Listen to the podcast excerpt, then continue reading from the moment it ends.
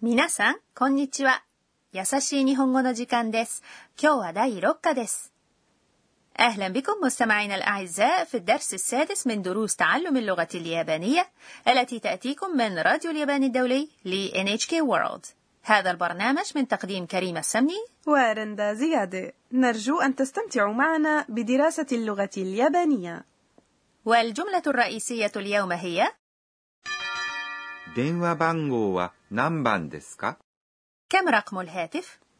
بطلة القصة التي تدور حولها دروسنا هي الطالبة التايلاندية أنا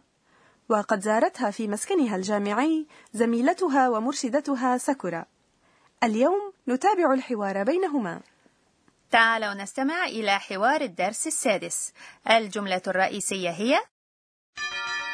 電話番号は何番ですか كم رقم الهاتف؟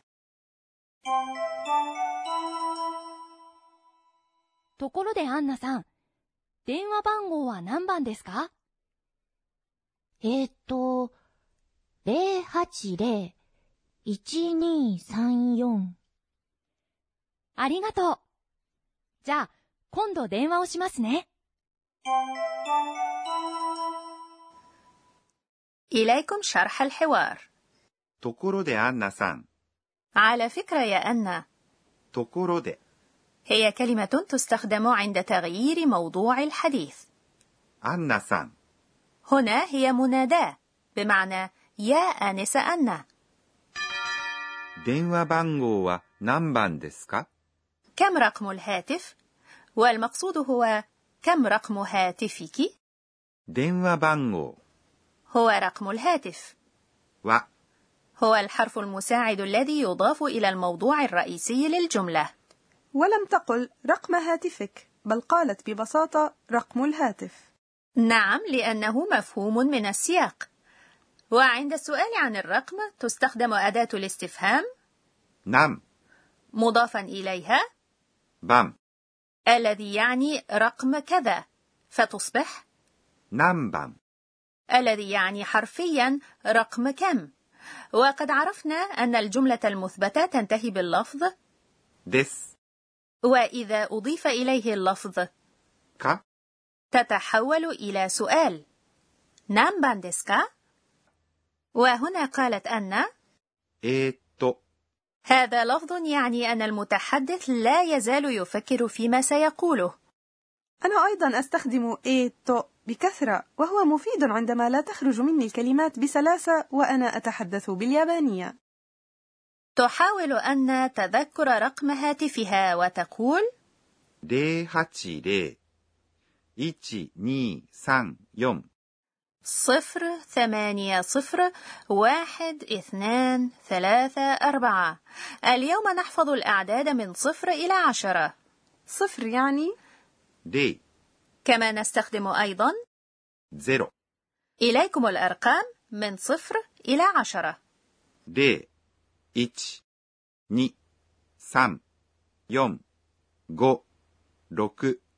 4 5 6 7 8 9 10 على أن العدد أربعة يون يقال أيضا شي والعدد سبعة نانا يقال أيضا شتي والعدد تسعة كيو يقال أيضا كو تعالوا نتدرب معا 0 1 2 3 4 5 6 7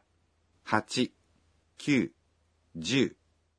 وبعد أن تخبرها أن برقم هاتفها تقول ساكورا ありがと شكرا う。じゃ、今度電話をしますね。 إذا سأتصل بك قريبا じゃ、 يعني إذا وهو أسلوب دارج في الكلام والكلمة 今度。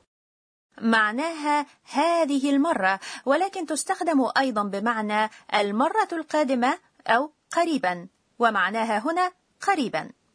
電話 هو الهاتف والحرف المساعد を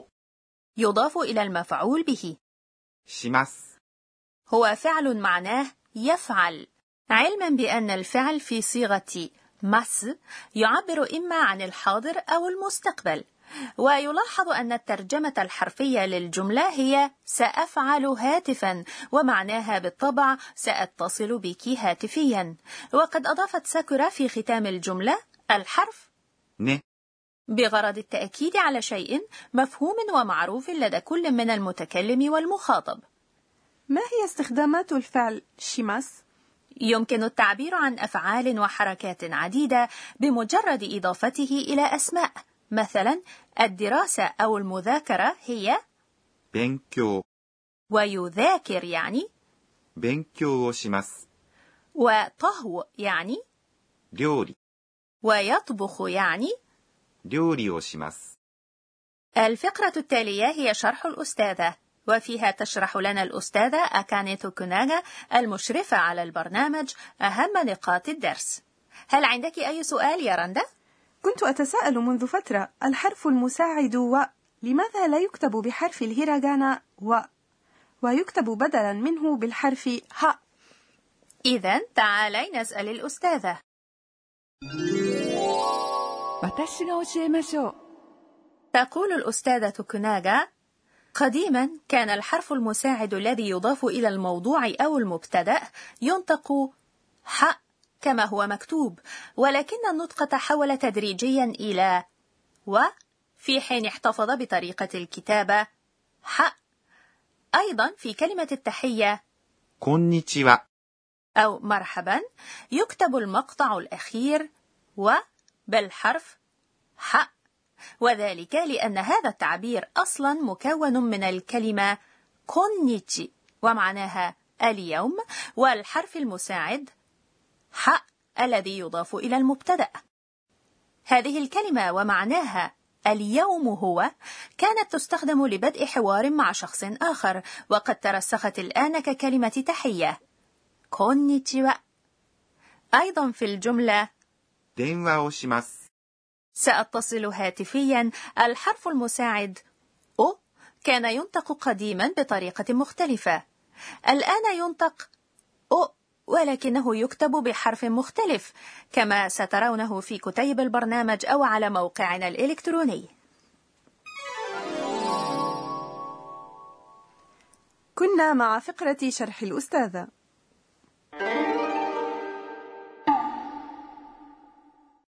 والآن مع فقرة كلمات المحاكاة الصوتية ما معنى هذه المحاكاة الصوتية في اعتقادك يا رندا؟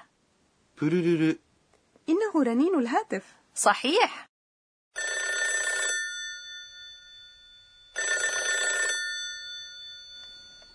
وما هذا؟ リーン、 هذا أيضا رنين الهاتف أصبت دين هو صوت الهاتف القديم ذي القرص الدوار قبل أن يتحول إلى طريقة الضغط على الأزرار كما تستخدم هذه المحاكاة الصوتية لوصف جرس المنبه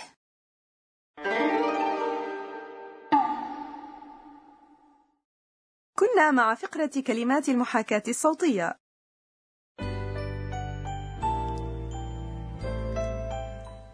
آخر فقرة في البرنامج هي تغريدة أن التي تتذكر فيها أحداث اليوم えーっと、今日は、 عرفت اليوم أن أول ما أقوله عند الرد على المكالمة الهاتفية هو موشي موشي كم أتوق لأن أرد وأقول هاي موشي موشي أنا ديس آه متى سيرن الهاتف